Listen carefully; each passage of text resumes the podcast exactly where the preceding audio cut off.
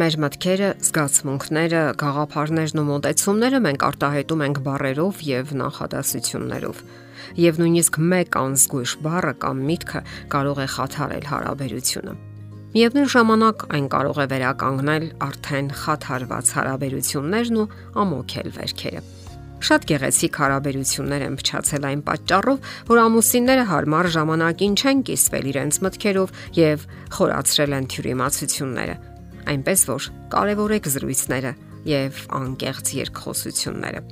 Ներկայացնենք որոշ սկզբունքներ, որոնց հետևելը կարող է բարելավել ձեր հարաբերությունները։ Հարմար ժամանակը ճիշտ շփման նախապայմաններից է։ Հնարավոր է հետաքրքիր զրույցի համար դուք անհաջող ժամանակ եք ընտրել։ Եթե ձեզ անհրաժեշտ է նրա հետ խոսել ինչ որ կարևոր հարցի վերաբերյալ, պարտադիր չէ անմիջապես գրոհել, հենց որ ոդկը տան շեմին դնի, եւ այն էլ լարված աշխատանքային օրից հետո Կարիք չկա նաև կնոջը հորդորել, որ կրճատի սննդի վրա ծախսվող գումարները հենց այն պահին, երբ նա ճաշի սեղանն է պատրաստում եւ իրեն հոգնած է զգում։ Ընտրեք այնպիսի ժամանակ, երբ դիմացինը կարող է հանգիստ լսել եւ պատասխանել ձեզ։ Զրույցի համար անհրաժեշտ է հաճելի տոնը։ Շատ հաճախ ավելի կարևոր է ոչ թե այն, թե ինչ եք ասում, այլ այն, թե ինչպես եք ասում։ Մեզ հանգստացնում է խաղաղ ու հանգիստ ձայնը, Նյարդայնանում ենք մարդու լարված, գրգռված, բարկացկոտ տոնից։ Զսպեք ձեզ, որpիսի բարերը ձեր բերանից դուրս չթռչեն առանց ձեր թույլ տվության։ Զրույցի ժամանակ ամեն ինչ պետք է ասել ճշգրիտ ու հստակ։ Շատ թյուրիմացություններ լինում են խառնաշփոթ ոչ հստակ արտահայտված մտքերից։ Խուսափեք երկդիմի, անորոշ, խուսափողական արտահայտություններից։ Բարերը մեծապես կարևոր են նման պահերին։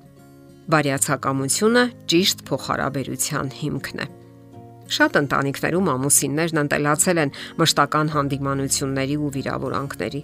ու ցավոք դա նրանց փոխհարաբերության բնականon վիճակն է։ Ձգտեք շփման մեջ բացառել տհաճ պահերը։ Եղեք բարյացակամ ու շնորհակալ ամուսիններ։ Եվ դա ասացեք գեղեցիկ բառերով, ճիշտ ընտրված արտահայտություններով։ Հաջորդ սկզբունքը. եղեք ըմբռնող ու հարգալից։ Եղեք ըմբռնող միմյանց կարծիքների հանդեպ, եթե նույնիսկ համաձայն չեք դրանց հետ։ Խնայեք դիմասինի հոգեկան անդորը ճիշտ այնպես, ինչպես ձերն եք խնայում։ Կարողացեք լսել։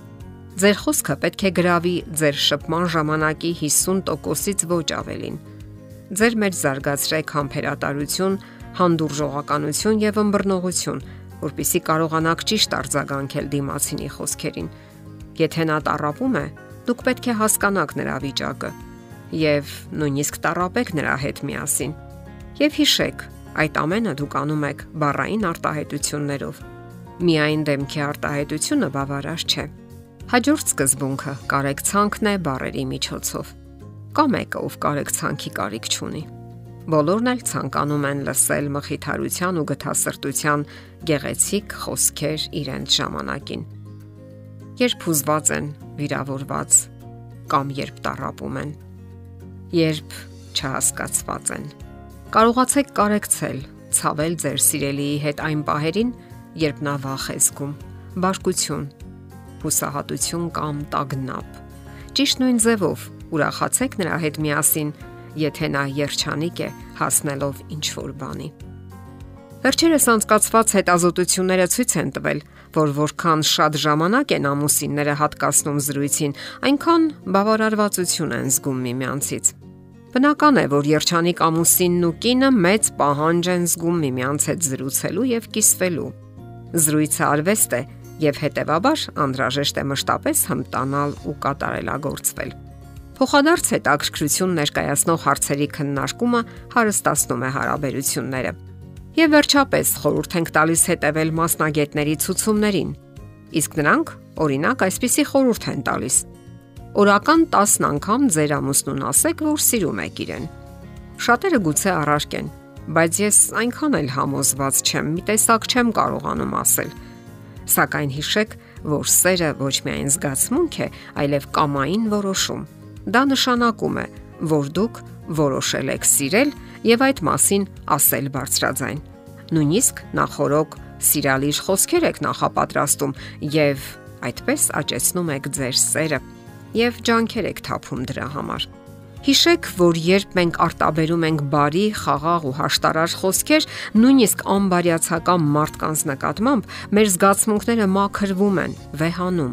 իսկ դառնություններն ու վիրավորանքներն անհետանում են։ Մենք բարեհաճ ենք դառնում անգամ ինքներս մեր հանդեպ։ Խոսքերն ուժ ունեն, եւ մեր սեփական խոսքերը հսկայական ազդեցություն ունեն հենց մեզ վրա, ազդելով թե մեր մտքի, թե բնավորության վրա։ Բնության օրենքն այնպիսին է, որ մեր մտքերն ու զգացմունքները սատարվում եւ ամրապնդվում են, եթե մենք արտահայտում ենք դրանք։ Որքան ճիշտ է այն, որ խոսքերը արտացոլում են մեր մտքերը, նույնքան էլ ճիշտ է, որ մտքերը հետևում են խոսքերին։ Եթերում ընտանիք հաղորդաշարներ։ Ձեզ հետ է Գեղեցիկ Մարտիրոսյանը։